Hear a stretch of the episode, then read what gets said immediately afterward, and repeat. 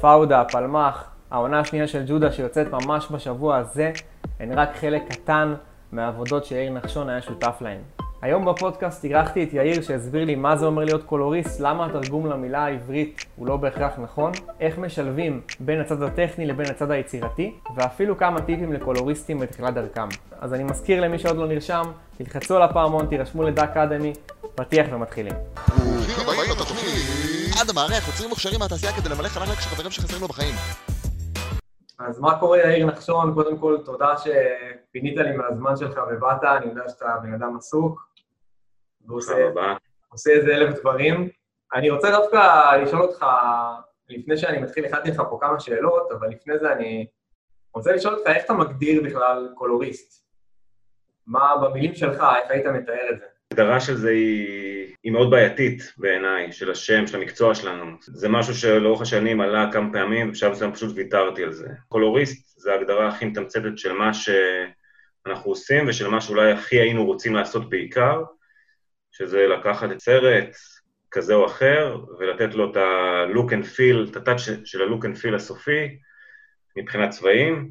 במציאות של היום, שמצלמים הכל לוג ורואו וכל מיני כאלה, זה נותן לנו את הטווח הדינמי, את הגמישות של החומר, לתת לנו ביטוי גדול יותר ממה שהיה בעבר. כן. זהו, אנחנו בעצם צבעים לכל דבר, פשוט צבע בעברית נשמע מאוד מאוד מאוד מאוד לא מספיק טוב. אני חושב שהבנתי את זה רק כשנכנסתי קצת לתחום באמת, אז הבנתי שפתאום כל מה שאנחנו רואים הוא לא אמיתי בעצם בסוף בטלוויזיה. כל מה שאנחנו רואים על המסך, הוא עובר איזושהי, איזשהו טיפול של uh, צבע. אני חושב שזה לא קשור רק לצבע, זה כל הפילוסופיה של הקולנוע, זאת אומרת, כשאומרים לך דוקומנטרי, קולנוע אמיתי, אתה יודע שזה בעצם הזיוף הכי גדול. כן. אה, אנחנו רק עוד בורג בדבר הזה שנקרא fiction. אני באופן כללי נורא אוהב סרטים, הקולנוע החביב עליי הוא קולנוע שמכניס אותי לעולם שאני לא מכיר. אתה אומר כל החוויה בכלל היא לא אמיתית, לא רק הצבע. מהשוטים עד לעריכה. זה מאוד מוזר שאני דוגמה, אני חושב, כאילו גם הסרטים הכי מפגרים, לא יודע, שמראים לי אמריקאים, מיד ארף אמריקה כזה, זה עולמות שזרים לי, ואני אומר, זה מכניס אותי לעולם שאני לא מכיר, זאת אומרת, נגיד ברייקינג בד כזה, עם האלבקרקי הזה, כאילו, ה... כל האזורים האלה, אתה יודע, זה, זה משהו שמעבר לסיפור המאוד טוב בסדרה הזאת, יש משהו בעולם הזה שהוא, שהוא מרתק אותי עם הקקטוסים האלה וה... והמדבר, חצי מקסיקו הזה, חצי אמריקה, חצי מידל אוף נוור כזה, זאת אומרת, כל עולם. הם מצליחים להכניס אותך בסדרה להרגשה הזאת של המקום הזה, החצי סוריאליסטי, שזה לא ברור כל כך מה הרגשות לגבי זה. עשיתי סדרה, את מתיר עגונות, סדרה לדתי, לדתיים, אתה יודע, זאת אומרת, זה גם, זה עולמות. לא רק סדרות שאני עשיתי, גם סדרות שאחרים עשו, שטיסל, כאלה, סדרות שמכניסות אותך לאותו חולם, שהוא מטר ממך, כאילו, בני ברק כאלה, כן. שאתה לא מכיר. ממש יפה. יוצא לך, נגיד, לקחת סתם וידאו של חברים ולעשות עליו צבע, או שברוב שאתה נוגע בזה בעבודה, אתה... זה משהו שיוצא לך לעשות? אה, קורים פה ושם אירועים שמבקשים ממני טובה על איזה... אני נורא נמנע מכל הדברים האלה שקשורים לחתונות, והיה איזה גל של חתונות של חברים שלפני עשר שנים, אז כל, לא רק צבע, עשיתי לכולם קליפים וכל השיט מאקסוסי, אתה יודע, עד רמת ה... טוב, די, עזבו אותי, תפסיקו להתחתן, ואל תעיזו להתגרש ולהתחתן שוב. זהו, זה חלף ועבר. איך נכנסים לתחום הזה? כי אני למשל מכיר לימודי קולנוע או עיצוב קולוריסט, למרות שקשה להגדיר את זה, כמו שאמרת, זה תחום, אתה יודע, מאוד נישתי, אבל איך מגיעים לתחום הזה, והאם אתה רואה את התעשייה פתאום כן מייצרת מקומות מסודרים שמלמדים את זה? אני אגיד לך קודם כל איך אני הגעתי לתחום הזה. אני למדתי קולנוע, גם בתיכון, גם במדרשה, לאומנות, והייתי מאוד מוכוון צילום. תוך כדי ימים במדרשה התחלתי לעבוד בתור טכנאי באופוס, אולפן פוסט, ובדיוק התחיל כל העניין הזה של הסימפוני, שזה בעצם האביד עם התוסף צבע וכל הדבר הזה, וכצלם, אמרתי, אני, זה נורא מסקרן אותי. בעצם נכנסתי לזה מהזווית של אחד שרוצה לצלם. כל מה שעשיתי אז, למדתי גם רישום לקומפוזיציה, עשיתי המון דברים כדי שיחזקו לי להיות צלם. זה היה נראה לי עוד דבר שאני לומד בשביל להיות צלם יותר טוב. ולא נהייתי צלם יותר טוב, אבל נהייתי קולוריסט טוב. זה, אני חושב, מקווה. ו... אז התגלגלת לזה בעצם, זה לא משהו שתכננת? תראה, כל העניין של, של דיגיטל קולור התחיל באזור שנת 2000, 2001. אני התחלתי לעבוד באוגוסט ב-2003, זאת אומרת, לא הרבה אחרי, זאת אומרת, הייתי די... הדבר הזה די היה בחיתוליו, ודברים עוד לא היו לגמרי מסודרים אז, גם עולמית, היום יש לך קורסים אונליין, קורסים פה, קורסים שם, יש לך בארץ, אתה יודע, בתי ספר שונים. עדיין, אני לא חושב שיש מסלול ממש מסודר לדבר הזה, אבל כבר יש יותר אפשרויות, ללמוד מי שרוצה. אני בעצמי העברתי קורס אחד.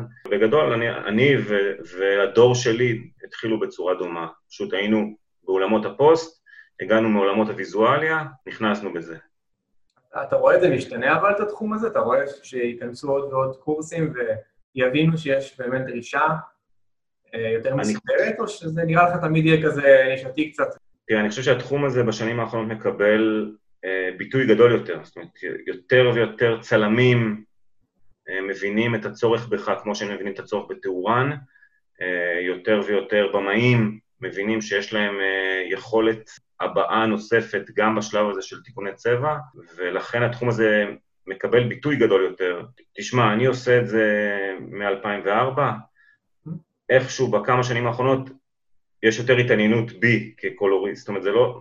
אני כבר עושה את זה כמה שנים, אבל פתאום יותר הרצאות, שיחות כמו איתך, יותר אנשים באים ושואלים, הדבר, הדבר הזה כבר נמצא יותר בפרונט, כאילו, ואני מרגיש את זה, זאת אומרת, וגם מבחינת העבודה אני מרגיש שיש לי ביטוי יותר גדול, נהיינו בעצם יותר יצירתיים. אם אנחנו מדברים כבר על יצירתיות, אז uh, מאיפה אתה שואב את ההשראות שלך כשאתה ניגש לעשות פרויקט, יש לך יותר יד חופשית כמובן, ולא איזה uh, במאי שיש לו את ה vision שלו. בין אם זה במאי מאוד מאוד פדנט ובין אם לא, אני אקדים ואומר, זו השאלה, ש... אז אני אתן לך את התשובה הכנה, אוקיי? שיש בה גם וגם. בעצם אני אפרק את השאלה הזאת לשתי דברים. מאיפה אני מקבל השראה, אוקיי? זו שאלה א', ושאלה ב', איך אני מגיע לתוצר הסופי שאני מגיע אליו, אוקיי? זה שתי שאלות שונות מבחינתי.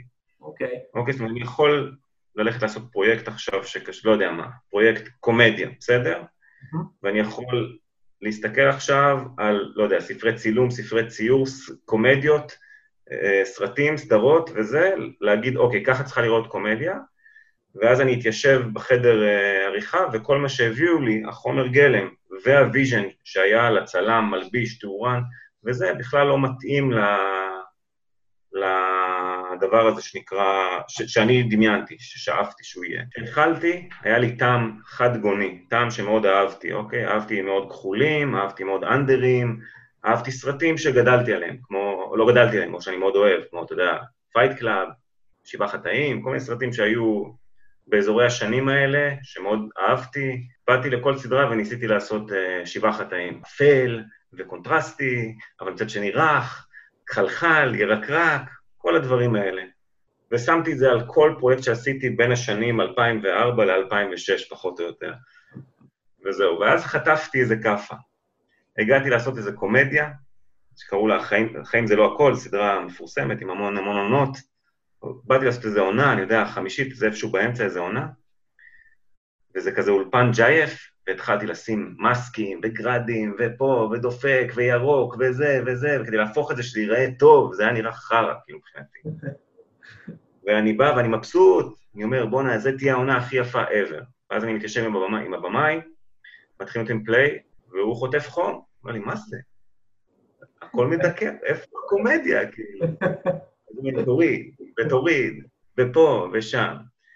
ו- וזהו, ואז הוא אמר לי משפט, הוא אמר לי, תשמע, אני לא מבין אותך, זה קומדיית אולפן, זה מה שזה, זה כמו סיינפלד, כמו חברים, ראית בסיינפלד וחברים שעושים אה, גרדציות וזה, שחרר את זה.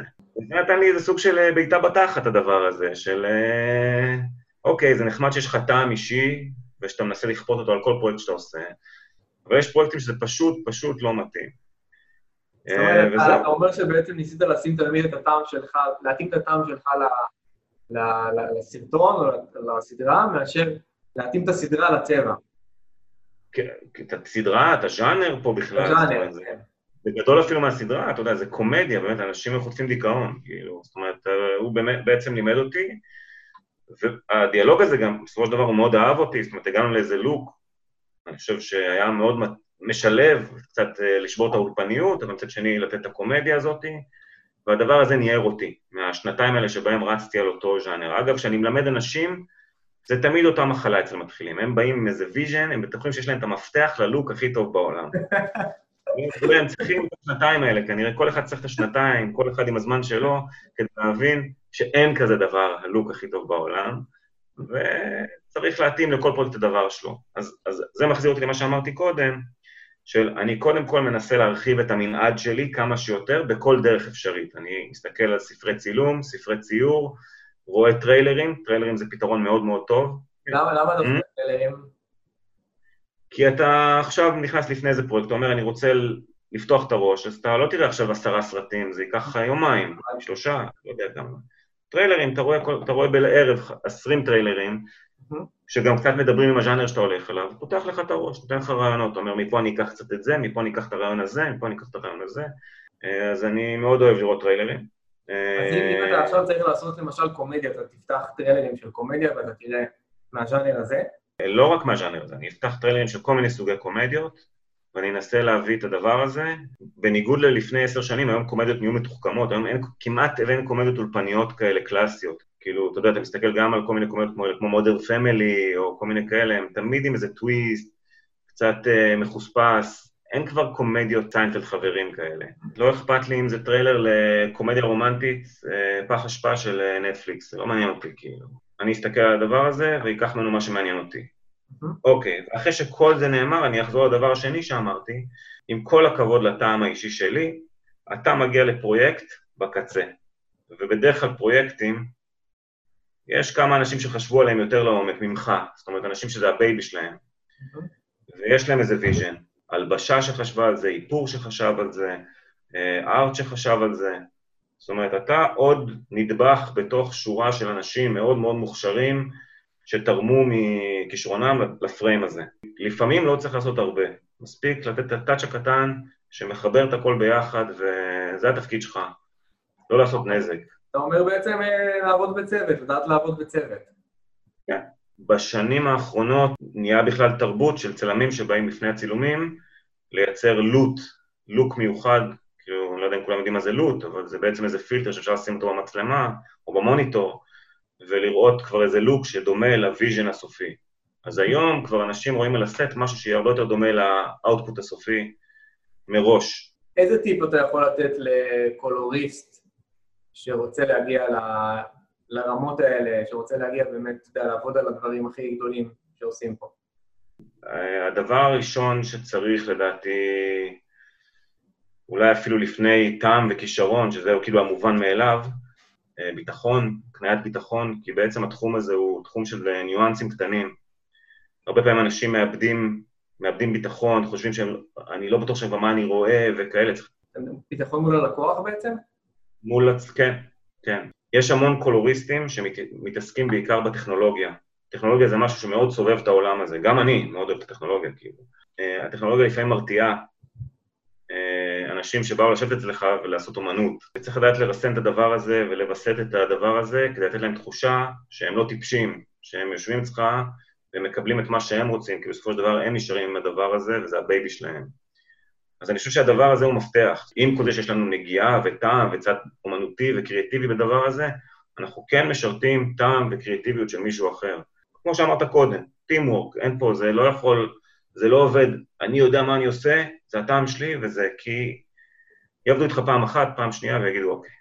איפה אתה רואה שהטכנולוגיה למשל אה, לוקחת יותר מדי לתשומת לב מהיצירה, מהאומנות? אני מוכן לצרף אותך לפחות לשלושה קבוצות וואטסאפ שאני חבר בהן, של אנשים, אה, זה, שאתה תשב שם ואתה לא תבין מילה משהו, גם אני לא מבין חצי מהדברים שנאמרים שם. אין כמעט אף דיבור, השראות, יצירתיות, אה, זה אחד הדברים שאני והשותף שלי לסטודיו, עידו לחמן, עושים אחת ל, זה לדבר מה הטעם שלו, מה הטעם שלי, זאת אומרת, אנחנו נתעסק בדבר הזה המון, זה משהו שאנחנו לפעמים עושים אותו באופן קצת כפוי וסינתטי, רק כדי לשמור על עצמנו אופנתיים, ערניים, יש פה עניין של אופנות, יש פה עניין של look and feel. זאת אומרת, אתה לא רוצה שתשתהיה רק טכני, צריך להיות שילוב של הטכני והצד היצירתי גם. לגמרי. שני הצדדים מעניינים אותי באופן אישי, אין לי בעיה עם זה. היחסי אנוש הם מפתח לדבר. כישרון וטעם זה הדבר השני. אה, וגם ידע טכני בסופו של דבר, יש פה הרבה טכנולוגיה. אה, אני מכיר את זה גם, שלפעמים אני עובד עם אנשים, ואני כן מחפש שהם יביאו את עצמם. והרבה פעמים אני חושב שזה אולי מגיע קצת מחוסר ביטחון של הם מנסים לעשות מה שנכון. בסוף לא רואים את הטביעת יד שלהם, ולדעתי זה נכון גם לכל תחום. לגבי הדה וינצ'י, האם זה היום הסטנדרט אה, גם בתעשייה בארץ בטוח, לפי מה שאני מבין, אבל גם בתעשיית הסרטים העולמית?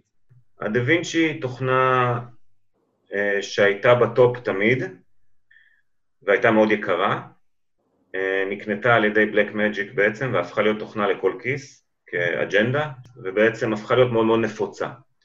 יש עוד תוכנות, שגם בארץ אגב, זאת אומרת, יש את המיסטיקה באדיט ויש את הסקרץ' באופוס. הדה וינצ'י היא תוכנה מאוד מאוד טובה, היא קיימת בסטנדרט העולמי, זאת אומרת, עושים עליה סרטים הוליוודיים, הכל, לא רק עליה, שוב, יש עוד תוכנות. אני פשוט, יש לי חיבור אישי איתה, אני אוהב את הקטע שלה.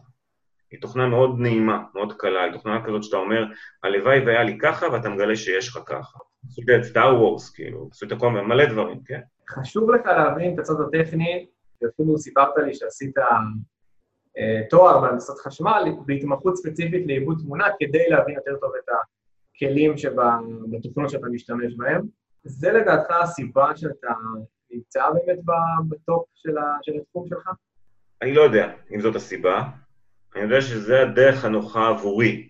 זאת אומרת, לא, יש אנשים, אנשים נוספים שהם מצליחים לא פחות, ואני לא יודע אם זאת הדרך שלהם. אני, לי, זה היה מאוד חשוב להבין מה כל כלי עושה. גם לפני שהלכתי ללמוד הנדסת חשמל, ולפני שידעתי להגיד לך את הנוסחה המתמטית של כל, או לא כל, אבל רוב הפעולות שאני עושה זה, הייתי בודק כל כלי מה הוא עושה, הייתי מכניס test אה, patterns ובודק עליהם איך, מה עושה קונטרסט ומה עושה gain ומה עושה... כל דבר הייתי חייב להבין איך הוא מתנהג, כדי לתרגם את זה אחרי זה לפריים מורכב יותר. זה, זה, זה, ה... זה הדרך שלי. אומרת, כן. אני, אני לא יודע אם זה משרת כל אחד. אני מאוד מאמין בדרך הזאת, אני גם ככה תמיד מסביר לאנשים, ואני גם רואה עליהם שלפעמים אני מסביר להם וזה לא תורם להם. עבורי זה מאוד הדרך. זאת אומרת, היום אני מסתכל על שוט, על פריים, ואני יודע איפה אני נמצא ואני יודע איפה, לאן אני רוצה להגיע, ובזכות הדבר הזה אני יודע שאני אמצא את הדרך הקצרה, המהירה, הנקייה, נטולת uh, תופעות לוואי. אבל אתה כן אה, ממליץ uh, לחקור, להבין מה קורה מאחורי, הקלעים של הדברים. אני לא מכיר דרך חשיבה, אני חושב שזה קשור נורא לדרך חשיבה, אז אני חושב שזה הולך נורא עם... אני נורא אוהב תכנות גם, אני חושב שזה הולך עם, עם חשיבה של מתכנתים בהרבה מאוד מובנים. אני לא בטוח שאנשים שבאים רק מהבטן, זה, זה רק יכול להעיק עליהם.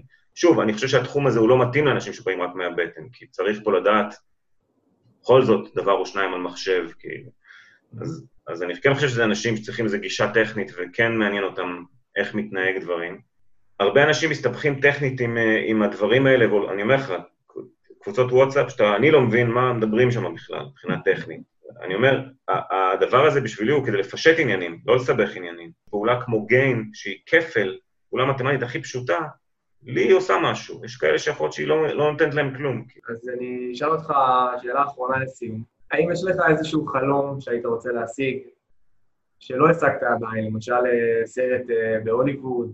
מבחינת אה, הישגים אה, יוקרתיים, פחות. אין לי פסגה יוקרתית שאני רוצה להשיג. סרט הוליוודי, אני לא בטוח שאני רוצה לעשות. בשלב מסוים בקריירה, קצת ירד לי מיוקרה, יותר חשוב לי חוויית עבודה. כן, אמרת לי גם שאתה מחפש היום יותר גיוון מאשר יוקרה. כן. פחות העניין הזה של גיוון ויוקרה, אני מדבר גם על העניין של חוויה אישית תוך כדי. עשיתי את פלמ"ח, סדרת נוער, זה כאילו לא הדבר הכי יוקרתי בעולם לעשות סדרת 50 פרקים. א', נהניתי מהסדרה, ב', נהניתי מהאנשים שעבדתי איתם. במובן הזה, חוויית העבודה מתעלה על היוקרה. מבחינת חלום, כן, עדיין יש איזו שאיפה, אתה יודע, לצאת לחו"ל איזו תקופה, לחוות איזה משהו. פחות אולי בשביל להגיע לאיזה סרט מאוד מאוד, שוב, יוקרתי, יותר בשביל החוויה הזאת של עולם טיפה שונה, כאילו, בלי קשר לקולו אולי, פשוט לחוות את העניין הזה של אה, חו"ל.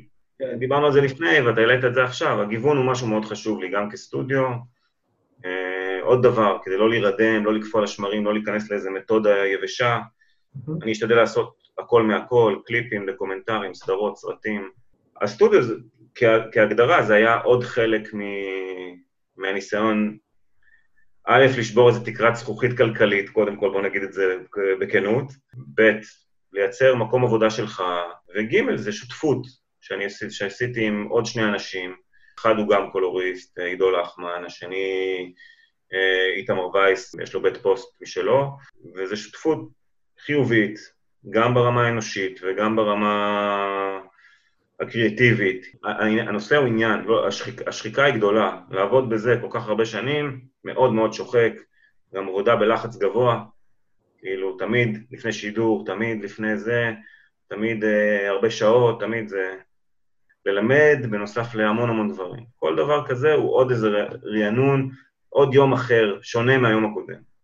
אה, סבבה, אז אני רוצה להגיד לך תודה, שהקדשת לי זמן. אני באמת מעריך את זה שבאת.